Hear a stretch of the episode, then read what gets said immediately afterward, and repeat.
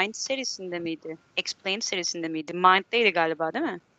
Orada psikodeliklerle ilgili bir bölüm vardı. Orada epey tarihini anlatıyordu. İşte 60'lı 70'li yıllarda çok e, aktif hale gelmiş e, bir galiba bir üniversitede e, makale olarak yayınlanmış. Sonra Time, de, Time dergisinde kapak olmuş. Bu çiçek kuşağının işte hep beraber bütünleşelim. E, aslında bu pek çok şeye çözüm, pek çok strese çözümle ilgili bir başlamış. Daha sonra 30-40 e, sene boyunca neredeyse yasaklanmış. En son bu e, Oxford Üniversitesi'nde galiba bir e, neuroscience arkadaş var. Anil Seltes diye. Bayağı güzel videoları var onun da. O bir yerde söylemişti. İşte bu e, ağır depresyon tedavilerinde ya da kanser hastalarının artık e, o psik derin psikozlarından, derin işte e, psiko psikolojik sıkıntılarından çıkmak için epey kullanılan bir tek seferlik kullanılan bir şey demişti. Ben dedim ki tek sefer seferlik nasıl bir uyuşturucu olabilir? Nedir bu psikodelikler? Belki e, en azından tek sefer kullanınca neden etkili oluyor da ikinci sefer istemiyor muyuz? Yani uyuşturucular ikinci sefer, üçüncü sefer bağımlı olacağımız şeyler değil mi? Psikodelik uyuşturucu mu? Belki oradan başlayabiliriz. Kim almak ister topu? Yani ben biraz bir düşüneyim bakın söyleyeyim. Ben de e, bir tarihine şeyine baktığımda aslında çok hafif şöyle bir işte 30'larda e, LSD'den bahsedersek saykedelik dediğimiz şey zaten sadece LSD bazında değil aslında hani bu şamanların işte ya şeylerde yağmur ormanlarında ya da belki de insanlığın neredeyse en başından beri değişik şekillerde kullandığı değişik maddelerle kullandığı değişik değişik doğal ya da işte kimyasal ürünler. Galiba bu senin söylediğin işte 60'larda tepeye çıkar. İşte LSD oluyor. Yani LSD asit dediğimiz şeyler ilk bir kullanım olmuş. O 60 kuşağı ama ilk 30'larda sanırım bu işte Albert Hoffman diye bir adam var. Adam deniyor falan. Kendi üzerinde deneyerek yapıyor. Hatta işte bir bisikletle evine dönerken, bisikletle dönerken iş yerinde alıyor. Eve dönerken böyle olanları işte yazıyor falan. İlk galiba o adam yazmış işte hakkında ilk bilimsel şeyi. 60'larda bu e, işte çiçek çocukların dediği gibi özellikle de 7 Nisan, 8 Nisan bisiklet günü, Dünya Bisiklet aynen, Günü. Aynen onu kutluyorlar. Doğru. Doğru kutluyorlar. İşte 68, 67, 68 o zamanlarda Vietnam Savaşı, Amerika falan insanlar iyice baskı bilmem ne öyle bir patlama olmuş. İşte daha gençler arasında işte Woodstock bilmem ne oralara gelmiş. İşte e, uyuşturucu hakkında herhalde ben uyuşturucu olmadığını e, iddia ederim yani söylerim fikrimce. Çünkü uyuşturucu dediğinde aslında hani bildiğimiz işte morfinler ya da işte eroin ya da diğer şeyler ne uyuşturucu ismi üzerinde yani Türkçe olarak bakarsak da bizi uyuşturan, sakinleştiren, rahatlatan işte şeyler olarak değerlendirirsek aslında psikedelik dediğin şey kesinlikle öyle değil. Tam zıttına seni yapıyor yani. Uyuşturmuyor. Hatta tam saykedelik olmasa da o ekstaziler bilmem ne onlar da biraz içerisinde barındırıyor serotonini salgılattıran şeyleri. O zaman ne oluyorsun? Yani uyuşmak değil aksine aşırı bir enerjiyle işte hani o sabahlara kadar dans eden insanlar falan filan. O yüzden e, şey ilaç olarak kullanımı yani e, özellikle işte psikoterapi... Dur dur şeyi merak ediyorum. Ee, ilaca geçmeden önce ee, Ersin biraz şey şey biraz söylesin de bunun beyindeki çalışmaları nasıl fark ediyor? Nasıl evet. hakikaten uyuşturucu mu değil mi? Biraz bunun bilimsel şeyi nasıl? Yani tıp dünyasında nasıl karşılanıyor bu? Ya uyuşmaktan ne anladığımıza bağlı. Mesela hani uyuşmayı genelde Türkçe direkt atıyorum sedasyon anlamında kullanırız yani böyle daha hani uyumaya yakınlaştıran şeyler gibi düşünürüz. İnsanın düşüncelerini yavaşlatan daha sakinleştiren anlamında. Evet o aslında o anlamda uyuşturmuyorlar. Gibi papatya çayı, Twitter.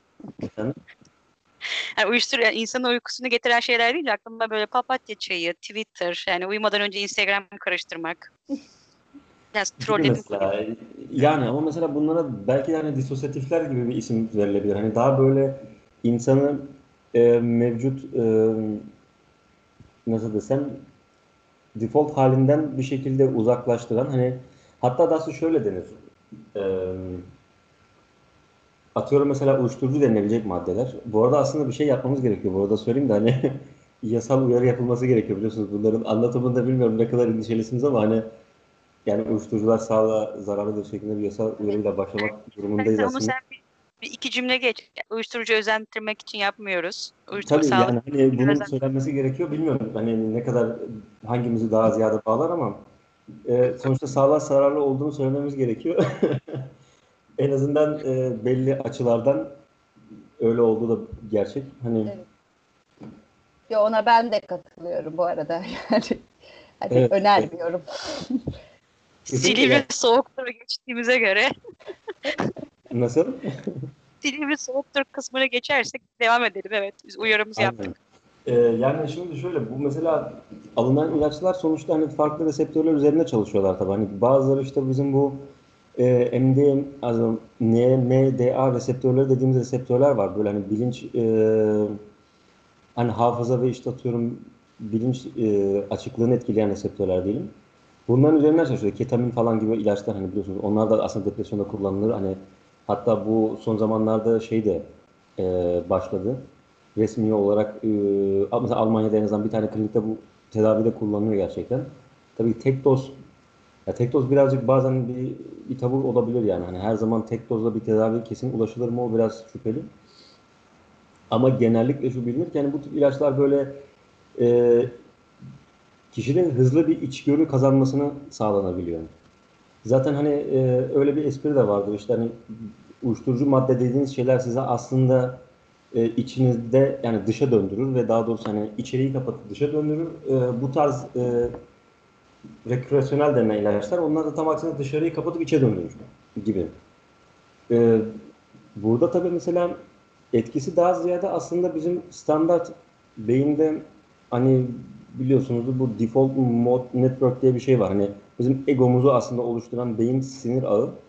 İşte beynin işte ne bileyim prefrontal korteksiyle işte e, bu singulat korteks arasında falan gidip gelen bir neredeyse artık nasıl diyeyim otobanı yani. Oradan bir sapmaya sebep oldukları için bir çeşit kişide egonun ortadan kalkmasıyla aslında beynin içinde saklı kalmış diğer düşüncelerin ya da diğer ağların aktif olmasını sağlıyor bir nevi. Yani beynin aslında sürekli kullanılan bir kısmını deprese ederken sürekli kullanılmayan alternatif kısmını bir nevi açığa çıkarıyor. Dolayısıyla insanların tabii çok farklı asosyas- asosyasyonları olabiliyor. Yani atıyorum ilacı alıyorsunuz bir anda ne bileyim bir ağacı bir anda bir arkadaş gibi görebiliyorsunuz diyelim. Hani normalde aslında belki sizin çocukken kurduğunuz bir asosyasyon ama yıllar içinde kaybolmuş. Yani önceden oluşmuş bir nöron ağı zaten. Hani yeni bir şey eklemiyor sanki ama daha ziyade mevcut olan şeyi gün ışığına çıkarıyor denebilir belki. Yani bu Freud'a bir gönderme var. Hani gün ışığı, o da der yani karanlık bir evin içindeki ışıktır düşüncelerimiz diye. O aslında ışığın bir nevi belki de sürekli girdiği koridordan farklı gizli odalara girmesine sebep oluyor belki de bir çeşit. Ya belki bütün evi bir anda aydınlatıyor diyelim. O da olabiliyor. Yani aldığınız oda da bağlı. Sarkodelik Ama tam olarak uyuşturucu spek- spektrumda dedik ki eroin, sarkodelik bilmem bunlar nasıl sınıflandırıyor? Yani, sarkodelik ne demek yani? Ya da hangi ilaçlar ya da hangi uyuşturucu maddeler sarkodeliğe giriyor? e, hangi LSD uyuşturucu mesela. madde? Bunu öğren. Ya, psikodeliklere daha çok e, girenler şöyle hani e, nasıl desem daha ziyade tanım olarak aslında e, şöyle söyleyeyim e, kişi uyanıklığını değiştirmeden normal e, ruh standart halinden başka alternatif bir ruh haline taşıyan ve hani beraberinde bazen trans haline sokan bir çeşit yani bir çeşit transa sokan fakat e, hani şiddeti tabii ki çok farklı olabilir. Genellikle beraberinde de hani bu tabii tanım içinde değil ama genellikle beraberinde de halüsinasyon gibi etkileri olan ilaçlara aslında denir. Ama bu ille de böyle olmak zorunda değil. Yani her psikodelik illa halüsinasyonu beraberinde getirmez. Aldığınız doza da bağlı olabiliyor. Bazen kişinin yatkınlığına da bağlı olabiliyor. Ama hani e, dediğim gibi daha ziyade bundan belki bahsedilebilir. Hani sonuçta mesela alkol aldığınız zaman sizin e, uyanıklık durumunuzu da etkiler. Hı hı. Bazen başka bir ruh haline de taşıyabilir ama bu ruh haline taşımaktan ziyade biliş haline taşımak. Bu anlamda belki söylenebilir. Daha böyle meditatif bir şey yani hani herhalde öyle tanımlanabilir belki bilmiyorum biraz zor Ben yani. şeye baktığımda e, bugün önceden şöyle bir bakarken şey gördüm hani, hani isimler Latinceden geliyor ya işte şey gibi Delos kelimesi Latince'de açığa çıkartmaktan geliyormuş. Psike de psike de ruh ve bilinci temsil ediyormuş. Yani aslına baktığınızda kelime anlamı olarak işte ruhu, bilinci artık nasıl adlandırıyorsak psikeyi açığa çıkartan madde gibi Türk yani öyle bir anlam koymuşlar. Bu arada bir şey daha var. Ee, e, psikodelik ve psychedelik aslında. Bu bizim bahsettiğimiz konu psychedelik yani ruh ve bilinç ve psikodelik biraz daha farklı bir anlamı var sanırım. Öyle de çok ince bir çizgi var. Bizim Türkçe'de artık kendimiz ağzımıza öyle çok oturmuş ve çok kullanılıyor ama hani böyle İngilizce'de mesela psikedelik diye işte psychedelic diye arattığınızda tam olarak buna ulaşırken psychedelic birazcık daha işte psycho işte yani ruh, ruhtan ziyade daha delilikle ilgili galiba şeyler çıkıyor. Psychedelic ilaçlar diyeceğiz yani. Psychedelic. Evet, yani artık yani, ben direkt böyle çok amatör bir çeviri. Direkt evet. yazıldığı gibi okulduğu gibi yazılmaz. Okey peki. Aynen. Ben çok doktorca bir soru sormak istiyorum. Tek dozda bağımlılık yapıyor mu bu psychedelikler? Tek dozda. Ya şimdi hangiden neden bahsettiğimizde önemli. Tabii bağımlılık yaptığını düşünmüyorum. Tek dozda bağımlılık yapmaz diyebilirim ama insanın psikolojik durumu çok önemli. Çünkü şimdi sizi şimdi ben hani anlat bahsedeceğim onlardan ama mesela bu ilaçların sizi çıkardığı çok yüksek bir hal var. Her zaman iyi olmak zorunda değil. Korkunç da olabilir. Sizin ruh durumunuzla alakalı. Nasıl hissettiğiniz, nasıl kontrol edebildiğinizle alakalı. Gerçekten korkunç ve çok ağır etkileri olan bir durum da olabilir.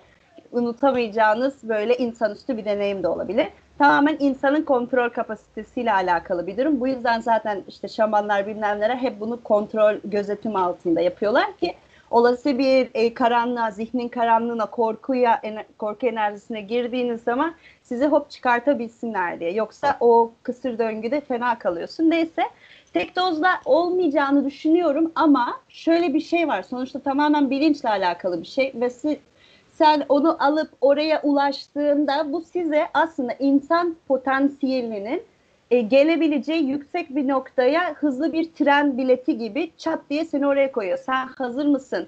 Da, daha önce bunu beyninin bunu kaldırabilecek kapasitesi, kapasitesi var mı falan bununla hiç ilgilenmeden seni çat oraya gönderiyor. Şimdi oraya gitmeye başka yolları var. Doğal yolları var. Doğal ilaçlarla, ıvır zıvırla falan filan ya da işte şamanların yaptığı yıllarca çalışarak ya da zikirler bilmem ne aslında baktığında yine öyle bir ruh haline çıkıyorsunuz. Başka pratiklerle de yapılan. Neyse e, şimdi siz oraya çıktığınızı, o tadı, o ekstaziyi yaşadığınız zaman, madde olarak ekstaziden bahsetmiyorum, o mutluluğu yaşadığınız zaman bunu yüzde yüz ilaca bağlarsanız, sadece ilaç beni oraya götüren şeydir, onsuz yapamam derseniz zihinsel olarak belki o duygusal boşlukta oraya her zaman onu isteyebilirsiniz. Bu arada hangi saykedelikten bahsettiğimiz de önemli. Mesela işte MDMA de, dediğimiz hani o biraz daha ekstazinin içerisinde bulunan madde saf size serotonin salgılandıran bir madde. E, yoğun bir serotonin salgılamının ardından ertesi gün bütün kanallar boşaldığı için ağır bir depresyon haline girebiliyorsunuz. O zaman tekrar madde isterseniz evet bir çeşit bağımlılık yapabilir. Ama hani eroin gibi doğrudan herhalde bağımlılığı yapan bir e, etkisi olduğunu düşünmüyorum ama ruh hali yani tamamen bu sadece madde bazında kesinlikle konuşulabilecek bir şey olduğunu düşünmüyorum bu maddelerin. Çünkü efektleri, etkileri her insanın ruh durumuna göre değişen, ona göre şekillenen bir durum diye düşünüyorum. Yani aslında tabii üç aşağı aslında ben de bunları e, söylemeyi düşündüm. E, sonuçta bağımlılık yapması için sadece bir ekstazi hali yani ekstazi deniyor sanırım. Ekstazi hali çok e, yeterli değil aslında sadece. Daha ziyade bağımlılığın kökeninde öfori hali vardır. Hani bunlar birbirinden farklı şeyler birazcık. E, ve aynı zamanda bir ödül hissiyatı da hani oluşması gerekir. Bu tip maddelerde bağımlılık, bağımlılık yaratması için mi? Ya yani beyinde dopamin, bir dopamin, dopaminerjik sistemi uyarmasını beklenir. Çünkü daha ziyade dopaminerjik sistem üzerinden bağımlılık gelişir insanlarda. Hani alkol ve, ve benzerleri. Ya da opiyat, hani opioid e, reseptörlerini uyarması beklenir. Ama bu ilaçlar tabii arkadaşın da dediği gibi yani sonuçta saf bir defa karışımlar değiller. Yani ekstra dediğiniz hani hap tam olarak MDMA'dan oluşmuyor aslında. Hani içine bir miktar işte THC katıyorlar. E, bir miktar ne bileyim işte amfetamin katanlar oluyor falan filan. Ya da Yani kokain- bu söylediğin şeylerin şöyle mi anlamadım? Kimyasal bir şey.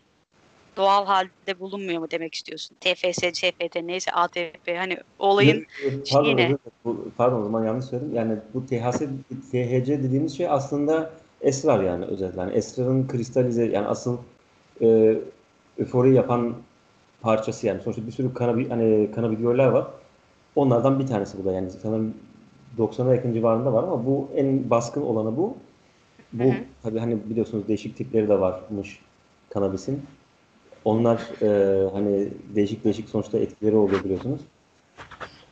Şimdi bu Barcelona'da yas- yasal mesela kanabis. Ama bu psychedelic'lere girmiyor değil mi? yok tam denemez çünkü sonuçta kanabisin etkisi biraz daha farklı. Hani e, kanabis daha ziyade böyle kişi mi trans haline sokan bir şey değil tam olarak. Psychedelic'lerde aslında psychedelic diyelim benim çok ağzım dönmedi o şekilde kusura bakmayın. Beklenen etki daha ziyade hani e, çoğunlukla serotonin ya da em, hani NMDA reseptörü üzerinden gittiği için beklenen etki daha ziyade öförden çok hani bir e, yoğun bir trans ve düşünce halidir. E, bu da a- hani aynı şekilde senin dediği gibi yani her zaman iyi bir sonuç vermek zorunda değil. Ve Yani mesela özellikle- psychedelic alıp tez yazabilir miyiz? yani aldığınız doza bağlı olabilir. Şimdi Amfetamin alıp yapabilirsin. Ben yani Tabii. Ersin'de muhakkak tuz çalışırken amfetamin kullanan insanlara rast gelmiştir. rast geldik tabii ki. Neler var neleri var inanamazsın. Tabii, Neler oluyor. Yani ihtiyacı yazdırıyorsun. olduğu için aldığını düşünüyoruz. Hani muhtemelen tabii bir indikasyonu vardır diye düşünmek lazım. Ama hani bir şekilde tabii ki alınıyor yani. E, Şimdi şöyle düşünmek lazım. Zaten bu ilaçlar hani ilaçlar hani drug dediği için pardon ilaçlar diye çevirdim ama bu e, ilaç değil yani bu hani İngilizcesi de belki karıştırarak bu uyuşturucu maddeler, yani Türkçesi bunun her türlü uyuşturucu başka bir şey söyleyemiyoruz yani maalesef. E, Ya da Çok- uyarıcı da denilebiliyor galiba değil mi? Bilmiyorum. Uyarıcı farklı olanları nasıl söyleniyor? Mesela atıyorum hani kokain, amfetamin, işte ne bileyim e, MDMA mesela bunlar uyuşturucu, yani uyarıcı bölümüne geçebilirler.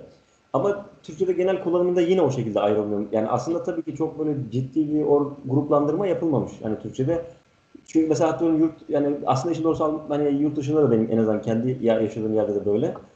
Hani hala uyuşturucu maddeler kanunu içerisinde geçiyorlar. Hiç uyuşturmadıkları halde en azından. Hatta çok ağır uyuşturucu, uyuşturanlar da bu maddenin içinde değiller falan. Biraz tuhaf bir durum var. Yani açıkçası bu işin zaten hukuki boyutu çok karman çorman. O hiç bence oraya girmemek belki de en doğrusu olur. Ya ben oraya giresim vardı ama bir kere kafamda şey oturmadı. Anladım Uyuş- ama ben oraya gel. Sana Tamam, Uyuşturucu madde ne, bağımlılık yapıcı madde ne, LSD ne böyle gerçekten karman çorban oldum şu an. Yani hepsine aynı şey diyoruz işimize geldiği zaman. işimize gelmediği zaman ilaç diyoruz. Ne, yani e, şimdi onu, onu bahsediyordunuz zaten ama Ha, evet. şöyle biraz böyle yani çok basit bir şekilde Bilal'e anlatır gibi nedir yani uyuşturucu yani, ne- yani bunların beyindeki çalışma mekanizmaları e, farklı olduğu için mi farklı gruplara giriyor? Biraz böyle nasıl basitleştirebiliriz? Aslında basit Kümeleyelim. basitleştirebiliriz. Psikoaktif maddeler denir aslında işin doğrusu buna. Yani psikoaktif maddeler ama yani şimdi böyle deyince içine başka şeyler de giriyor. Ama genel anlamda bizim konuştuğumuz ve konuşmak istediğimiz konu aslında psikoaktif maddeler diye düşünebiliriz. Bir şekilde ruh halini ya da düşünce halini değiştiren maddeler. Yani bunun içine kahve de girer psikoaktif madde diye. Ama e, nihayetinde bunların bir kısmı gerçekten e, kişiyi normal düşünce e, hattının çok dışına çekebiliyor. Tabii bunlar o anlamda biraz daha dikkat çekiyorlar. Hani hem tıp dünyasında hem genel sosyal kullanım alanında. Bunların genel uyuşturucu diye adlandırılmasında tabii değişik hikayeleri var. Sonuçta hani bunlar yıllarca gerçekten de hani normal kültürel anlamda kullanılmış işte ne bileyim meskalin olsun ya da işte ne bu ayahuasca falan filan çayları falan hani biliyorsunuz. Kültürel olarak hep kullanılmış. Ee, bazıları da sonradan bunun sentetik üretilenleri var. Ya da atıyorum bu doğrudan e, doğal ortamda bulunanların e, bir şekilde doğalının e, replike edilmiş halleri var. Her halükarda bunların tabi farklı çok geniş bir etki spektrum var. Yani o yüzden böyle şey demek biraz zor olur. Hani psikoaktif madde demek bir nevi böyle ağrı kesici demek gibi bir şey olabilir mi? Ondan da emin değilim. Yani tansiyon da çok farklı farklı etkileri var. Hı? psychedeliclerden şunu anlıyoruz. Bir- Birçok e, uyuşturucu madde var. Yani ya da birçok e, e, psikoaktif mi demiştin, ne demiştin? Psiko yani Hı. beynimizi değişik yönde etkileyen madde var ama psychedeliclerin özellikle Bunun bir alt beyinde böyle o e, ben kavramını bize doğru eviren, biraz daha egoyu e, ortadan silen, insana değişik kavramlar e, yaratan bir etkisi var. Bu da galiba özellikle bu yüzden e, bazı gruplar, bazı işte e, ortak aktivitelerde çok kullanılmış. Yani işte e, tarihsel anlamda Evet. e, grup psikolojisi, grup bilincini artırmak. Yani ya şamanlar diyoruz mesela. Şamanlar bunu niye kullansınlar? E, mantıken e, o grup içerisindeki böyle bir tür bilinci e, doğayla bir bağla- bağlantı kurma. Bilmiyorum bunu yaşayan insanların ya da genel anlamda ne tip deneyimleri oluyor? Belki Ya senin ben, ben mesela o konu hakkında şunu diyeceğim. Evet mutlaka grup hakkında bir şey vardır ama grupsal bir etki değil benim gözlemlediğim. Daha çok bireysel bir etki. Çünkü e, ne yapıyor? Yani hani yine biraz LSD bazında konuşayım. Çünkü diğer şeyler başka, başka her şey başka başka etkileri olabilir.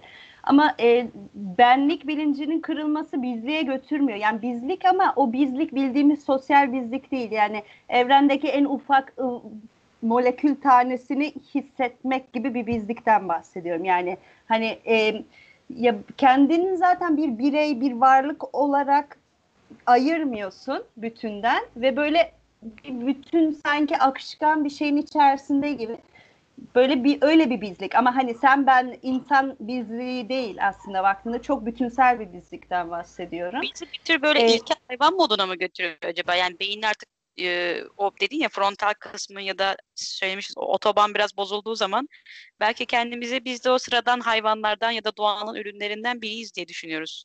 Bence daha bile yok. Yani gerçekten yok kısmına kadar yani tamamen varlık man- mantığını yok ettirecek şekilde yani kendini hani böyle şey gibi hissedebiliyorsun yani. Hani tabii ki her deneyim başka dozları etkiler şu bu ama e, bir madde olarak değil de titreşen moleküller olarak hissettiğini düşün. O zaman kendini hayvan gibi de sınıflandırmazsın. Yani bir madde olarak sınıflandırmıyorsun. Bütünüyle her şey birbirine karışıyor zaten. Yani hayatın boyunca bir daha güçlü bir figür olarak görmüşsün. O gün o daha böyle hareket ediyor yani. Hani beyninde zaten bildiğin, inandığın bütün her şeyin sağlam bir şekilde kendi gözlerinle görerek kırıldığını düşün. Yani öyle bir kırılma noktasına geliyorsun ki o zaman hani benim gördüğüm şey belki de hani tek doğru değilmiş belki olmaya da bilir. Çünkü farklı bir şekilde ya da başka malzemelerle başka bir şey de görebilirmişim, başka bir şey de olabilirmişim gibi bir kırılmaya Kork- götürüyor seni. Bu değil mi birey için? Yani bireyin sürekli bu ruh haline girmesi, kendi dengesini bozması yani eğer sağlıklı bir ruh halin varsa okey yani film izliyorsun çıkıyorsun gibi olur belki ama yoksa e, Zaten çıktıktan sonra orada. kendin epey Zaten bir değişik. Aynen. Zaten kız sıkıntı orada. Gerçekten orada çok ince bir çizgi var. Yani evet bizim bu filmlerden o 68 kuşağı bilmem ne hep onu görüyorsun. E, kimler bunu seviyor? Gerçekten hayatla ilgili çok fazla kaygısı olmayan, hani en son seni getirse o daha rahat ya. O adamın zaten korkusu çok az yani. O yüzden o oradan çok yoğun bir tepki alıyor. Ama hayatla ilgili korkusu olan, kaygısı olan ya da bu materyal, bu bildiği şeyin kırılmasına karşı direnç gösterecek bir insan için çok korkunç bir deneyim olabilir ki zaten e, sonunda senin hissettiğin şeylerin de dozu o kadar artıyor ki yani sevgiyi, mutluluğu çok yoğun hissettiğin gibi korkuyu da çok yoğun hissediyorsun. Yani orada zaten bu sana iyiyi veriyor, kötüyü vermiyor diye bir şey yok. Sadece yaşadığın her şeyin dozunun çok ciddi arttığını düşün. E ne oluyor? Direnç gösterecek, korku duyabilecek, seni korkutabilecek bir şey, bir böcek ya da ya da o an kendin halüsinasyon yani kendi illüzyon olarak yarattığın bir şey de aynı şekilde korkutucu, inanılmaz korkunç gelebilir. Korkunca senin zaten hani o şekilde artık dediğim frekansı mı bir şeyin ciddi anlamda düşüyor.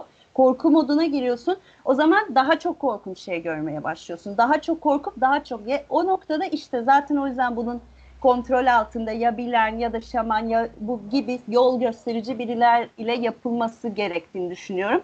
Eğer hani gerçekten öyle hiç umursa hayatla barışı ben gördüm ve veya çok biraz kara kafalı olmamak gerekiyor. Yani öyle bir insan gerçekten zorlanır. Yani her- Biraz- her şey değişebilir falan. Açık olmak gerekiyor yani. Öyle bir spiritüel fikire biraz açık olursan idare edebilirsin. Ha dersin evet ben de zaten böyle hissediyordum. Hepimiz molekülleriz, hepimiz şuyuz, hepimiz biriz falan filan. O zaman öyle yükselirsin yani. Ama şüphen varsa ya da ne olduğunu anlamaya çalışıyorsan o zaman kabusa dönüşebilir gerçekten. O zaman Kalmak sakin şam- e, sakin ol şampiyon diyecek birisi lazım yanında. Aynen. Aynen. Her yerde olduğu gibi. Muhtemelen. Ölüm tribine Evet. sokuyor mu peki? Sokuyor. Çok insan var yani onu yaşamış. Çünkü ne en büyük korkumuz ölmek aslında baktığında. Yani en özümüzde olan korku o. İlk başta basit bir korkudan geliyor. Dediğim gibi bir kısır döngü korkusuna girdiğin zaman onu işte İngilizce bad trip falan diyorlar. Yani e, o kısır döngüye girdiğin zaman seni kork herhangi bir şey korkunç oluyor. Daha sonra korku ondan korktukça korku seviyen artıyor. En son gelebileceğin en yüksek korkuya geliyorsun zaten. O da ölüm tribi oluyor. Ölüyorum diyorsun. Ki gerçekten de hani kendini bilmiyorum olabilir yani işte atanlar öldüm zanneden zaten öldüm öbür dünyaya geçtim zannetmek gibi bir şey olabilir yani hani bil, yani bildiğin her şeyin yıkıldığını düşün o yüzden neye nasıl tepki vereceğini bilemiyorsun açıkçası. Tabii uykudan falan farkı da yani insan belki hayali bir şeye giriyorsun ama gerçekliği çok net hissediyorsun belki de. Yani öyle değil mi? Uykuda çünkü mesela aklıma o geliyor yani çok hayal ortamlarında. Ee, farklı dünyaya giriyorsun belki ama onun soyutluğu çok böyle ne derler çok bulanık onun gerçekliği. Ee, peki bunun zararı var mı? Beyne zararı var mı? Kalbe zararı var mı? Ciğere zararı var mı? Mesela alkolün karaciğere zararı var. İşte sigaranın akciğere zararı. Bunun bir yere zararı var mı? Ersin sen de daha iyi cevap verebilirsin ama benim de fikirlerim var yani söylerim. Ve e, bazı organik hasarlar verebiliyorlar yani atıyor. yani kastettiğim şey şu doğal olanlar da yani doğal olan e, psikoaktif maddeler de hani psikodelik e, parantezinde de bakarsak belli bir süre eğer uzun süre kullanıldığında tabii ki beyinde sonuçta e, bir çeşit nöral ağ değişikliğine sebep oldukları için e, hani bunun organik bir zarar olarak mı görüyorsunuz bilemiyorum ama bir şekilde hani kişide karakter değişimine sebep olabiliyor. Bu da aslında tabii ki hani psikoorganik bir şey bir anlamda. Ama özellikle mesela e, bu psikodeliklerden ya da psikodeliklerden diyelim e, özellikle bu hani design e, uyuşturucu denilen hani design e, drug dedikleri kategori yani işte bu LSD falan ya da işte atıyorum MDMA ya da amfetamin falan e, bunlar hani laboratuvar ortamında üretilmiş olanlar sonuçta e, çok fazla nörotoksik etkiler bırakabiliyorlar. Atıyorum işte MDMA'nın meşhur bir beyinde hani haberlerde belki de çıkıp, çıkıp böyle insanları korkutur hani işte ki doğru aslında. Beyinde e, delikler açtığı falan filan hani şeklinde. Yani beyinde do, bariz bu şekilde hani böyle e, lokal ya da fokal diyelim hani böyle do, doku kayıplarına sebep olduğu bilinen bir şey MDMA'nın mesela. Hani uzun süre alındığında tabii ki sonuçta kişinin hem total kognitif kapasitesi yani zeka kapasitesinde bir miktar düşmeye sebep olabilir. Çünkü şunu unutmamak lazım hani beyindeki bütün hücreler bir anda aşırı miktarda çalışıyorlar. Yani e, ve aslında bizim ürettiğimiz bu e, neydi onun? Sinyal maddeleri mi diyeyim nasıl desem hani bu beyin işte serotonin, dopamin gibi böyle e, sinir üretiminde kullanılan nörotransmitterler bunlar işte e, aşırı miktarda salındığı için sonuçta sinir hücresinin belli bir miktar yorulmasına sebep oluyor ve sinir hücresinin tekrar kendini geriye adapte şey yapması gerekir. E, ne derler ona? iyileştim yani ne derler dinlenmesi gerekir bir şekilde. Dolayısıyla bu aşırı kullanım bir yerde sonra nörotoksinlerin birikip total nöron kaybına falan yani total beyindeki hücre kaybına sebep olabilir evet uzun süreli kullanımlardan. Ama e, zaten arkadaşın dediği gibi hani bu bu tip deneyimler çok sonuçta kişisel ve çok e, şiddetli deneyimler oldukları için bu iyi de bitse kötü de bitse insanlar bunu genellikle tekrarlama eğilimi göstermezler. Çünkü Şimdi şöyle düşün, mesela bununla ilgili bir araştırma vardı. Benim eski ev arkadaşlarımdan bir tanesi de böyle bununla ilgili bir araştırma. Yani yapıyordu kendisi bizzat. Bununla hani sonrasında gerçi bunun benzeri bir araştırmalar zaten önceden de yapılmıştı ama kastettiği şey şuydu hani önerdiği şey şuydu. Hani insanlara sorulduğu zaman işte hayatınızda yaşadığınız en büyük tecrübelerden biri hangisi diye sorulduğunda bu insanlar LSD ya da meskalin ya da işte atıyorum özellikle psilosibin alanlarda yapılmış yani daha ziyade aslında psilosibin yani bu Magic Mushroom üzerine yaşadıkları en büyük deneyimlerden bir tanesinin bu olduğunu söylüyorlar. Ve çoğu insan da hani üçte birinden fazla sanır. Şimdi yalan da olmasın tam rakamı da hatırlamıyorum. Bayağı yıl geçti üstünden. Ee, bir, ilk çocuklarının doğduğu gün kadar hatta özel bir deneyim olduğunu söylüyorlar. Yani belki ilk çocuğun doğması çok böyle insana aşırı derecede hani bir e, şiddetli bir duygusal deneyim olabilir ama hani ne kadar fazla bunu kaldırabilirsiniz? Hani kaç tane çocuğa kadar bu devam eder? Öyle düşündüğünüz zaman bir yerden hani bu pozitif bile olsa bir yerden sonra insanın böyle iştahla arayacağı bir şey olacağını sanmıyorum. Dolayısıyla bu anlamda da zaten hani sadece psikolojik bağımlılık yapması ihtimali de çok yokmuş gibi duruyor en azından çoğusunda. Ama bazı insanlar bunu tabii ki yine kötüye kullanım oluyor. Yine mesela hani e, özel hani ne bileyim bu bu psikodeliklerde çoktu ama bu entomogenler dediğimiz hani işte bu amfetaminde falan filan onlarda daha fazla oluyor. Çünkü hani onlarda sonuçta sürekli bir doping maddesi gibi alan insanlar da oluyor. Tabii ki o daha farklı bir boyut düşün aslında hani baktığınız zaman. Ama hani bu psikodelikler kapsamında aslında vücutsal zararları aşırı bilinen yani, yani ufak tefek tabii şeyler var atıyorum ne bileyim hani bu MDMA'nın işte ne bileyim hipertermi yapabilir işte hani yani aşırı ısınmaya sebep olabilir epilepsi atağını geçirmenize sebep olabilir ne bileyim e, aşırı susuz kalıp bir şekilde tekrardan hani bir beyin dokusunda kayba ya da ne bileyim bir kalp krizi geçirmenize sebep olabilir. Geçirenler oluyor tabii ki. Ama ya da atıyorum aslında şöyle bir şey de olabilir. Düşünün mesela siz inanılmaz korku verici bir şey yaşıyorsunuz. Bir deneyim yaşıyorsunuz. Sırf bu yüzden de kalp krizi geçirebilirsiniz. Yani sonuçta hani aşırı bir korku da aynı şekilde bir hasar bırakıyor. Dolayısıyla bunlar böyle zararsız, hiç tehlikesiz yani en azından vücutsal anlamda tehlikesizdir demek bence biraz fazla cesur bir söylem olur. Ama böyle aşırı yani açıkçası başka uyuşturucularla karşılaştırdığında aralarından yine iyi, iyi bir durumda gibi duruyorlar. Genel anlamda karşılaştırıldığında. Yani yine uyuşturucu dedik belki hoşumuza gitmedi ama hani yani kastettiğim şey yani psikoaktifler arasında yine en zararları değil en azından. Hatta yani bununla ilgili bir skala vardı işte tam yılını hatırlayamıyorum bir çalışma vardı bu 2000'li yılların son, sonunda yani başına doğru yapılmıştı. Bütün yapılan yani bütün dünyada kullanılan psikoaktif maddelerin e, total hani hem vücut üzerine etkileri ve sosyal etkileri hani hani işte para kaybı, e, aile yıkılması gibi etkileriyle falan karşılaştırıldığında bu Magic Mushroom denen işte bu sihirli mantar aslında listenin en sonunda yani. E, en başında duran da alkol aslında. Hani o anlamda onunla karşılaştırmak gerekirse ben bu arada 10-15 tane tabi arada bir sürü şey var. Yani aradaki fark inanılmaz ölçüde yüksek. Yani alkolün zararıyla atıyorum bir mushroom arasındaki fark ekstrem derece yüksek Peki yani. artık kusura bakma dayanamayacağım soracağım. Neden alkol yasal da bunlar yasal değil? O zaman madem bu kadar kötü etkisi olan bir şey sigara ispatlanmış. E, bunun lobisi mi var yani? Alkol lobisi, sigara Var. lobisi mi var? Yoksa e, bir test şu mu? Bunu alkolü alan e, sigara alan insanlar sürekli kullanıcı haline gelebiliyorlar ve toplumsal anlamda işlerinin çoğunu devam ettirebiliyorlar. Yani bir tür uyuşuk bir kitle yaratıyoruz ve bu iş uyuşuk kitle bazı şeyleri daha az sorguluyor ama aynı zamanda bağımlılık geliştirdiği şeyde sürekli e, para harcayabiliyor. Sürekli zaman harcayabiliyor ya da sosyalleşmek için kullanılıyor alkol yani mesela Barcelona'da şeyin koronanın bittiğini dışarıda alkol içilmesinden anlıyoruz. Yani o biraların tüketim oranı bir anda artıyor. Bu bu kadar rahatken bunların diğerlerini kullanamaması sebebi daha zarar olması. Hatta bazen belki olumlu psikolojik aydınlanmalara sebep olmasına rağmen olmamasının sebebi e, insanları işlevsiz hale getirmesi mi? Bunu aldığınız zaman ya da insanları sorgulatması mı? Yani şu an çok ortaya karışık bir soru sordum. Yani bence bu olabilir sebepleri en azından.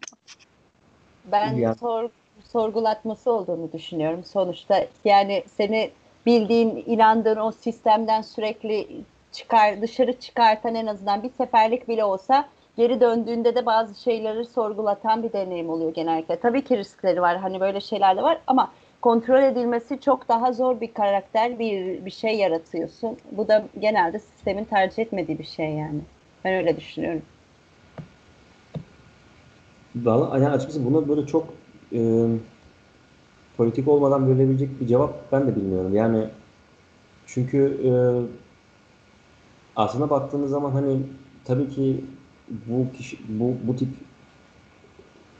maddeler hani kişilerin kontrolünü ya da atıyorum nasıl söylesem yani normal dışında hareket etmelerini belki bir şekilde kolaylaştırıyor olabilir. Fakat aslında bu alkol için de geçerli baktığınız zaman. Yani alkolün de sonuçta belli bir süre yani kronik kullanımı kişilerde e, karakter değişimlerine sebep olabiliyor. Hani hatta işte klasik bir tablo vardır psikiyatri işte hani alkol kıskançlığı diye bir kelime var. Hani sürekli eşini kıskanır kişi falan. Hani bunlarda da aslında kişide pek hoş olmayan toplumun da böyle kolaylıkla müdahale edemediği değişimler ve kalıcı değişimler olabiliyor. Yani neden hala yasal ya da neden diğerleri yasal değil bunlar yasal falan buna bir cevap vermek açıkçası çok zor. Yani bilemiyorum bu çok bence çok politik bir cevap olur. O yüzden Ya mesela e, kanabis e, ya da neydi şeyin dili bakın e, söylediği kere, ke- kereviz diye isim geliyor da ya kenevir, Kenevir kenevir. Ya bunların bazı ülkelerde yasak olması, bazı ülkelerde olmaması aslında ve giderek yasağın azalmaya başlaması. Yani işte tam önceden e, Amsterdam'da belki turistik amaçla bu yasak e, kaldırıldı. Ama Barcelona'da, İspanya'da artık bir kültür haline geldi. Los Angeles'ta ya da Avrupa'nın pek çok Hı hı. yerinde. En son Kanada'da galiba kanabis mesela şey yapmıştı, e, yasallaştı. E, bütün toplumda bunu yasak yasağını kaldırdığımız zaman bir tür piyasasını da aslında çünkü bütün bu olayların arkasında büyük bir şey yok mu? Ne derler onun ismine? Uyuşturucu piyasası var. İllegal olan, kontrol edil edilmeyen ve büyük karların sağlandığı, kontrolün olmadığı, özellikle Latin Amerika'da, e, Avrupa'da, Rusya'da, Türkiye'de neyse. Bu dünyanın en büyük şey gibi ilaç ya da e, silah endüstrisi gibi en büyük endüstrilerinden bir tanesi. Çok da karlı. Yani inanılmaz para aklamak için de kullanılıyor. Sen bunu yasallaştırdığın zaman bunu legalize ettiğin zaman bunu kontrol edebiliyorsun. Kayıt altına alıyorsun. Mesela Barcelona'da gidip kaçak kaçak bir tane e, kanabis almanın bir anlamı yok. Çünkü gidip üye olup alabiliyorsun ve aldığın gramları devlet izliyor. E, vergileniyor bu. Hani böyle bir sisteme sokuyorsun aslında bunu. Biraz bu olay sanki illegal olmasından faydalanan tıpkı şey gibi geliyor taksilerle neydi şu?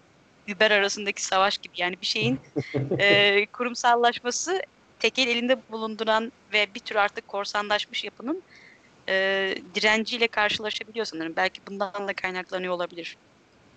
Ben de böyle biraz makro çıkarımlar yapmaya çabalıyorum. Konuyu dağıttım ama e, Aslında şimdi burada tuhaf bir e, paradoksu da var. Yani normalde bu bahsetmiştik. Yani bir tane işte e, uyuşturucu maddelerin zararlılık skalası gibi bir şey. Burada aslında kanabis o kadar gerilerde de değil yani. Hani baktığınız zaman hani yanılmıyorsam 7-8. sırada falan olması lazım kanabisin. Hani e, işte e, sigarada bir 4-5'lerde bir yerdeydi galiba.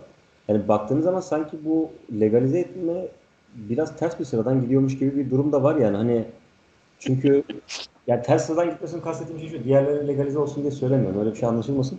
Hani eğer olması gerekecekse illa böyle bir aciliyet varsa sanki biraz sıra tersten gidiyormuş gibi bir durum da var. Ee, bilemiyorum. Belki de tabii bunda bir şekilde dediğim gibi hani işin market payının da etkisi vardır. Bir de hani şöyle bir durum da var. Bu diğer e, maddeler, hani bizim bugün konuşmak istediğimiz maddeler zaten öyle çok sık kullanılmadığı için belki de ciddi bir market payı olmuyor olabilir. Yani hani çünkü kanabis hani klasik bir şekilde söylenip durur böyle ki hani legalize olsun zaten bağımlılık yapmıyor falan. Aslında bu bildiğiniz bir e, şehir efsanesi. Kanabis bağımlılık yapar kesinlikle. Yani hatta ben açıkçası kendim günlük klinikte çok fazla kanabis bağımlısı olup da ciddi anlamda çok e, ağır akıl hastalıkları yaşayan insanlar tedavi etmek durumunda kaldım. Hani ciddi anlamda çok sağlam psikozlar yani hani böyle şizofreni benzeri hastalık hani şizofrenin e, içinde bulduğu kategori diyelim hani. Psikotik hastalıklar geliştiren insanlar vardı ve bunu gerçekten ömür boyu taşıyan insanlar çok oldu. Uzun süre kullanmasa bile taşıyanlar oldu. Ben hani buna da şahit olduk. Hani tek bir kullanımda gece böyle işte saat gecenin üçünde böyle işte kız arkadaşım birden saçmalamaya başladı falan diye getiren insanlar da oldu. Dolayısıyla niye böyle, yani böyle bir şey ille de legalize edilmesi için savaşılıyor? Ben açıkçası ben onu da tam anlamış değilim. Yani sonuçta tabii ki insan hayatında verdiği kararların sorumluluğu kendisi taşıyor. Ayrı bir konu. Ama devletin böyle bir ayrım yapması birazcık aslında ya da en azından devletlerin diyeyim böyle bir ayrım yapması birazcık kişilerde pozitif bir e, şey de uyandırabiliyor. Ha demek ki devletin izin verdiği zararsızdır. Böyle bir, doğru bir şey değil kesinlikle. Yani hani en azından doğru bir şey olmadığını düşünüyorum. Ben öyle söyleyeyim başıma bir şey gelmeyecekse. Hani yani sonuçta biliyorsunuz bir şeyimiz var burada. Peki yani Evet. mesela şeye bağlayacağım. Kanser demiştin ya biraz önceki konuda hani insanın nöronlarında bazı işte yapılanmasına değişiklik yapıp karakteri bile değiştiriyor diye. Galiba kanser hastalarında kullanmasının bir ara hatta bu yani bilimsel anlamda teşvik edilmeye çabalıyor Amerika'da. Sebeplerinden bir tanesi galiba artık kanserin son aşamasındakilerde kullanılıyor ki hani ölüme çok yakınlar ölümle arasındaki o korkuyu bu ilaç sayesinde işte belli bir uzman eşliğinde Hı hı. yeniyor. Hani korkma hepimiz birer molekülüz. Hepimiz biraz yıldız tozuyuza getirip aslında ölümü normalize etmeye başlıyor. Çünkü ölüm korkusu biraz e, birey olmaktan yani bireyin parçalanmasından kaynaklanıyor değil mi? Eğer doğanın bir parçası olduğunu yanırsan belki ölüm bir geçiş bir dönüşüm gibi olacağı için e, bu aşamada belki yardımcı oluyordur. Hani insan çünkü orada e, bazı deneyler yapmışlar işte klinik ortamlarda. E, kanser bu bu- bunu uygulayan bunu da belli koşullarda uygulayan hastaların böyle artık ölümden korkmadığını, onu beklediğini falan böyle bir garip bir trans halinde aslında e, onu kabullendiğini görüyorsun. Belki o insanların ruh hali açısından spesifik bir grup için çok faydalı olabilir. Yani nihayetinde kaçınılmaz bir şey geliyor ve çok büyük e, psikolojik açıdan yoğunluk yaşıyorlar. Ki bunu da destekliyor. Yani Amerika'da bununla ilgili son zamanlarda büyük bir ilaç lobisi de var. Onun ilaç formuna getirilmesi diye hatta sanırım Delisin diye bir ilaç e, çıktı bu. Yani Türkiye için şanssız bir isimlendirme olmuş ama. Hani e, Delisin. Delisin aynen. Öyle bir ilaç çıkılması düşünüyor. Sonuçta hani kastettiğim şey şu. Hani az önce bahsettik ya bu ilaçlar hani üretildikleri zaman hani yapay ortamda üretildiği zaman dahi ya da o hani doğal ortamda da olsalar e, belki tedavi edici bir etkisi olsa bile yani diyelim ki teorik olarak doğru bir reseptöre dokunuyor ve doğru yerlere dokunuyor ve tedavi ediyor. Fakat sonuçta her kimyasal madde bizim vücudumuzda bir şekilde yani karaciğer, böbrek üzerinden bir şekilde ya da akciğer üzerinden bir e, metabolize edilmesi gerekiyor. Bu metabolizasyon sürecinde tabii ki bazı yan ürünler çıkıyor. E, bu yan ürün- ürünler bazen ya da bazen doğrudan maddenin kendisi bir e, toksik bir etki bırakabiliyor. İşte ilaç olmasındaki hedef aslında biraz da bu. Hani toksik olan bir maddeyi daha az toksik olan fakat etkinliği aynı olan bir maddeye evrilmek, evri, e, evrilmesini sağlamak. E, o yüzden aslında bunların hani böyle ben biraz pek şeyi biraz karşıyım o konuda kendim. Hani belki bilmiyorum herkesin hoşuna gitmeyebilir. Hani bunların böyle e, tıbbi alanlar dışında kullanılmasına ben açıkçası çok şu an hani şey yapamıyorum. Çok bir e, gönül rahatlığıyla kabul edemiyorum. Evet. Çünkü hani sonuçta tabii ki insanlar fayda gördüklerini söylüyorlar. İnsanların kendi tercihi e, görebilirler ama her halükarda yine de daha kontrollü, daha bilimsel bir ortamda incelenerek ve hani gelecek kuşaklar için azından yanlış bir mesaj ve yanlış bir gelenek bırakmadan belki de kullanılması herhalde daha doğru olabilir diyerek Evet. Yani zaten ben şey elma ile armutu ayırmak gerektiğini düşünüyorum. Mesela neden böyle diyorum? Çünkü e, şimdi tıbbi olarak kullanımı kenevirin çok alanda evet a, kanser için iyi ondan sonra bir sürü noktada iyi geliyor falan. Bunlar ka- kanıtlanmış bunlar üzerine anlaşmalar var. Ama aslında içeride iki madde var yani daha maddeler vardır mutlaka ama en baskın iki madde var. İşte birisi CBD, diğeri de THC. Bizi bu psikodelik etki yapan e, paranoyu ya da başka şeyleri yapan madde THC. Zaten normal doğrudan bitkiden geldiği zaman sen hem THC hem de CBD içeren e, o maddeyi kullanıyorsun, buluyorsun. O, o THC seni biraz uçuran, o dediğin esrar şeyini yapan şey o madde aslında. Ama bu madde %100 saf olduğu zaman çok yoğun ve çok delirtici bir boyuta da gelebilir. Şimdi zaten bunun tıbbi kullanımında özellikle iyileştirmek için eğer ağrı kesici gibi bir amaç yoksa ö- genelde CBD kullanılıyor ki bu da zaten çoğu yerde yasal. Yani o yüzden e, şeyle sapla samanı ayırmak lazım diye. Yani ikisini bir yasallaştıralım, uyuşturucu maddeyi yasallaştıralım yerine hani doğrudan tükaka demek de- demeyip e, ne- nedir bize yardımcı olan ve bize zarar veren nedir? Bunu iyi inceleyip buna göre bir şey yapmak lazım. Yani şöyle bir sıkıntısı var esrar konusunda da. Evet THC miktarı arttıkça e, zarar olasılığı, paranoya, şizofreni olasılığı artıyor. E tabii ki şimdi bunlar kontrollü olmayınca illegal bir şekilde satıldığı zaman hatta bazen böyle bayağı merdiven altı el üzerinde ekstra kimyasal işte şey yapıp THC yapılıp spreylenip falan satılarak insanları Dolunay ciddi sanırım öyle bir şeydi değil mi? Evet, e, onun gibi bir şey. THC mi bilmiyorum ama kimyasal yapılmış normal ada çayı, rezene falan öyle saçma sapan bitkilerin üzerine süpre, şey yapılmış, spreylenmiş bir şey. Bakan zannediyor bitkiyi ama tamamen bitki değil aslında yani. Neyse o, o tarz şeyler. O yüzden mesela e, tıbbi kullanımı CBD'nin psikolojik bir zararı bildiğim kadarıyla kanıtlanmış yok. Zaten çoğu yerlerde hem kanser karşıtı hem şey olarak kullanılan bir madde. Ki zaten seni hiçbir şekilde şey hissettirmiyor yani o uyuşturucu bir madde ya da uyarıcı bir madde almışsın gibi hissettirmiyor. O yüzden bunları biraz galiba ayırmak lazım. Bir de şey için de söylemek istiyorum. Ee, sonuçta her insanın bünyesinde, her insanın bilinci gerçekten anlaşılamaz, çok karmaşık bir yapı olduğu için işte bu maddelere nasıl tepki vereceğini hiçbir zaman kestiremiyorsun. O yüzden de biraz korkuyorsun. Yani e, şimdi senin e, şeyi keneviri serbest bırakman uzun vadede kenevir kullanımı ciddi paranoya, işte şizofreni ve benzeri şeyleri sebep olabilir. Ya da seni stresini azaltıp rahat işte takmadan rahatça yaşayıp hani o günlük dozunu alıp uyuyup falan gitmeni de sağlayabilir. İşte bunun kontrol edilmesi çok zor.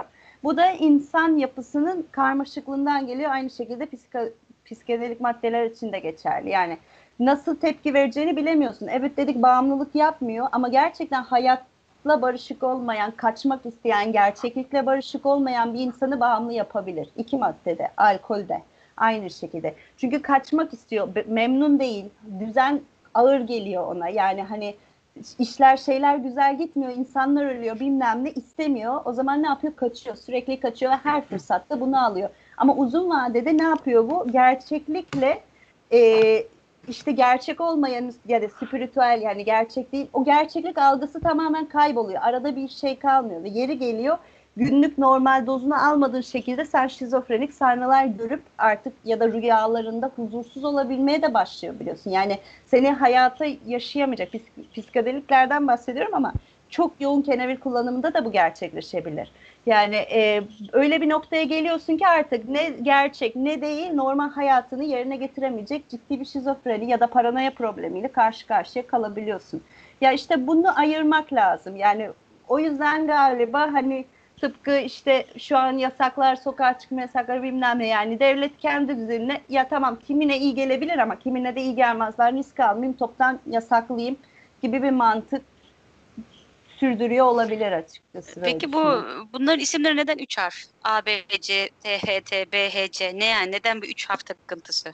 Maddelerin, moleküllerin kısaltılmış ismi. Ya şimdi bilmiyorum ne tetra bilmem ne, molekülik bilmem ne. Kanabinoid diye geçiyor.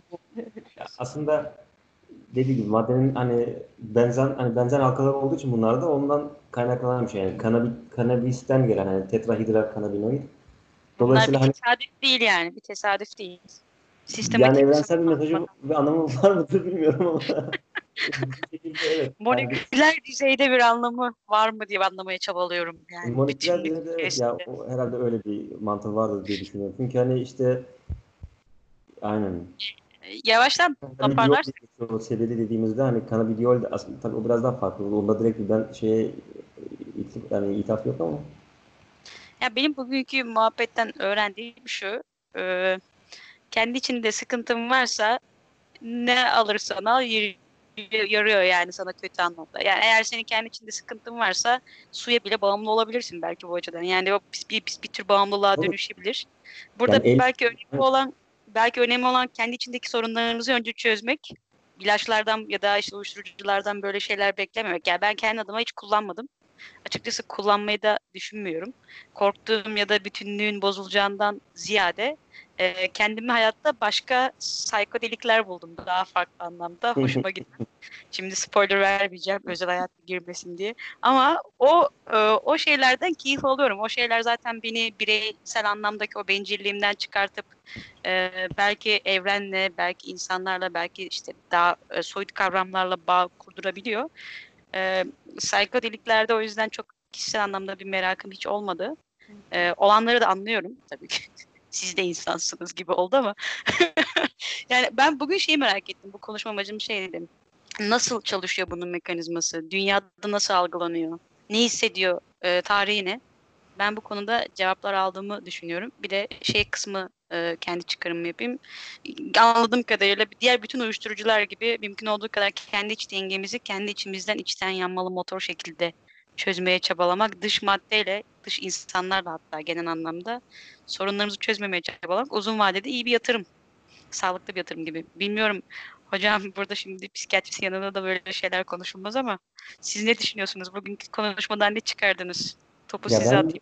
Yani ben henüz psikiyatri bitirmedim bu arada. daha, daha bir süre var hala bu asistanlığa bitmesine.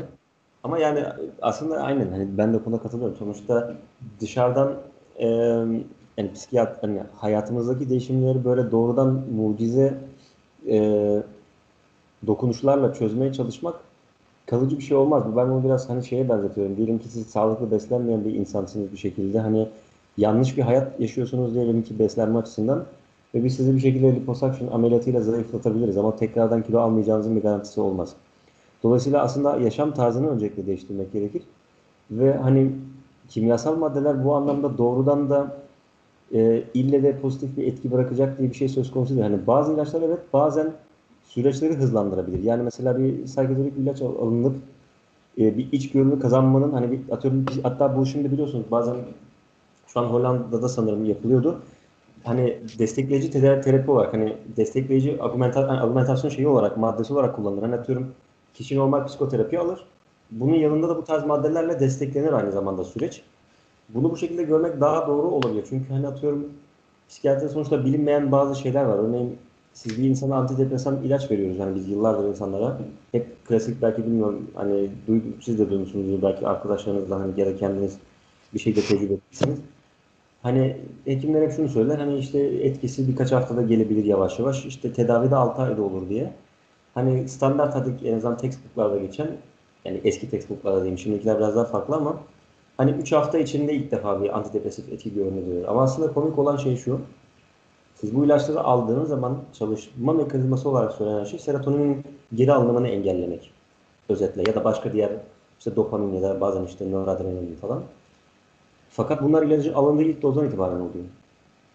Yani alından ilk alındıktan ilk birkaç saat sonra zaten serotonin alınımı, e, geri alınımı engellenmiş oluyor. Ya da dopamin. Fakat neden insanda bir iyileşme olmuyor bir anda?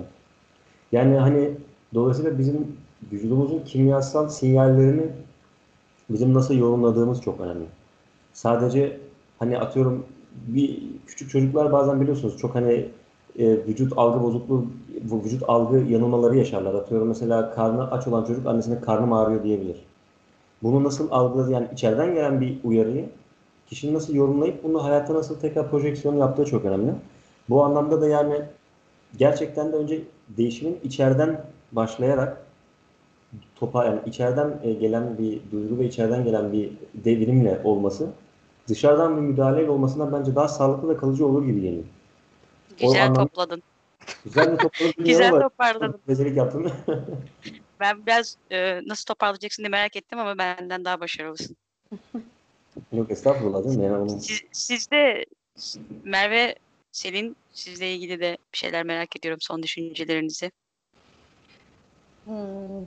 O zaman ben de şöyle söyleyeyim. Ben mesela e, şöyle geliyor bana. Aslında e, yukarıda böyle bir dağın üzerinde erişilecek bir yer, bir zirve noktası var gibi. İşte oraya yürüyerek yavaş yavaş e, de çıkabilirsiniz. O zaman kulağınız alışır, işte kendiniz alışırsınız ya da işte doğrudan helikopterle çıkabilirsiniz.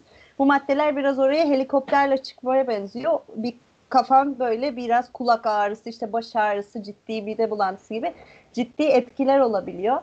Şimdi herkese önermiyorum ve herkes aynı zamanda herkese kesinlikle de böyle imkansız, korkunç bir şey canavar da demiyorum. Yani tamamen dediğimiz gibi insanın e, kendi içsel hikayesiyle alakalı bir durum. Eğer sadece içindeki karanlığı görüp o karanlıkla barışmayacaksan, onu çözmek için bir şey yapmayacaksan sana bir faydası olmaz, zararı olur. Ama gerçekten belki de kötü deneyim yaşamış bir insan o korktuğumuz, o anlattığımız ölüm deneyimi bilmem ne de uzun vadede bunu iyileştirici bir şekilde gelebilir aslında. Tamamen dediğimiz gibi yani insanların her bir e, kişinin kendi kendine rehber olabilmesi ve işte bunu ya da dışarıdan bir rehberle yapabilmesiyle ilgili bir durum.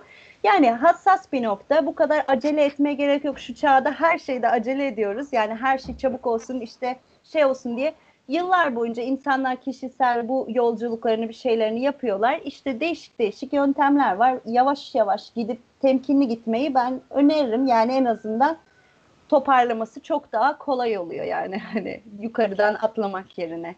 Ben de böyle toparlarım herhalde. Benim O zaman Merve- sözüm yok. Daha çok dinleyici olarak katıldım. Dinlemek için hem e, bir psikiyatrist bakış açısından hem de deneyimleyen birinin bakış açısından. E, sizi dinlemek keyifliydi. E, kullanmadığım için ve çok da açıkçası çok hakim olmadığım için bilimsel kısmına çok ekleyecek bir şeyim yok. Sadece teşekkür etmek istiyorum size. Bayağı resmi bir resmi bir kapanış oldu sanki katılımcı gibi. Hiçbir hiçbir çıkarım hissetmedin mi? Denemek istiyor musun yoksa korkuyor musun? Yoksa bunu deneyen ne ne hissettin yani genel anlamda bir düşünceni Şöyle merak söyleyeyim, ediyorum. Ben ben eee, her zaman kendini bilememe halinden çok korkan bir insanım. Bu alkol için de geçerli. Eee, hiçbir zaman kendim yani sarhoş olmadım hayatım boyunca. Çünkü o bilincimi kaybetme hali beni çok korkutuyor. Dolayısıyla şimdi halüsinasyon falan deyince ben hepten yani bir korktum. Evet, bana göre Evet. değil. Ya açıkçası ben bende de var o yani sadece e, bilmediğimiz şeyler bizi zaten genel olarak korkutuyor. Bazı insanlar belki bu konuda daha şeyler. Hmm. Cesaret Peki, tamam. Evet, e, çok teşekkür ederiz. Düşündüğümden daha uzun bir muhabbet oldu. Ben çok keyif aldım. Çok şey de öğrendim. E, hem e, direkt uygulama açısından hem düşündük sosyolojik açıdan falan da hem de psikiyatrik açıdan. Çok teşekkür ederim. E, iyi akşamlar diliyorum hepinize. Keyifli, e, keyifli ve e, keyifli ve kendinizi her gün molekül gibi hissedebileceğiniz ve moleküllerinize kadar sevgi duyacağınız bir akşam diliyorum. Hoşçakalın. Evet. Hoşçakalın. Hoşçakal.